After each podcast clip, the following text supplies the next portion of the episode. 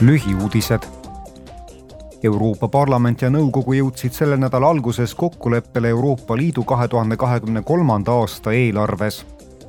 kokkulepe keskendub Ukraina sõja tagajärgedele ja tõhusamale pandeemiast taastumisele.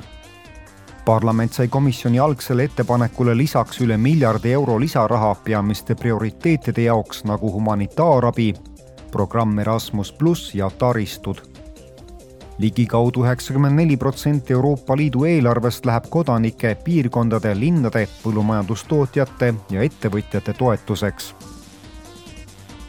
sel nädalal toetas tööstuse, energeetika ja teadusuuringute komisjon kava taastuvate energiaallikate kasutuselevõtu edendamiseks ettepanekuga kiireneks nii uute taastuvenergia elektrijaamade kasutuselevõtt kui ka olemasolevate taastuvenergia elektrijaamade uuendamine ettepanek sisaldab ka Euroopa Liidu liikmesriikide kohustust tagada, et hoonetele päikeseenergia seadmete paigaldamise luba väljastataks kolme kuu jooksul.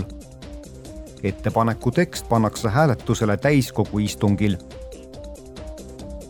homme korraldab parlamendi naiste õiguste ja kodanikuvabaduste komisjon Brüsselis avaliku kuulamise Poolas de facto kehtiva abordikeelu kohta arutelul parlamendiliikmetega osalevad keelu esimese teadaoleva ohvri sugulased ning seksuaal- ja reproduktiivtervist ja õigusi kaitsvad valitsusvälised organisatsioonid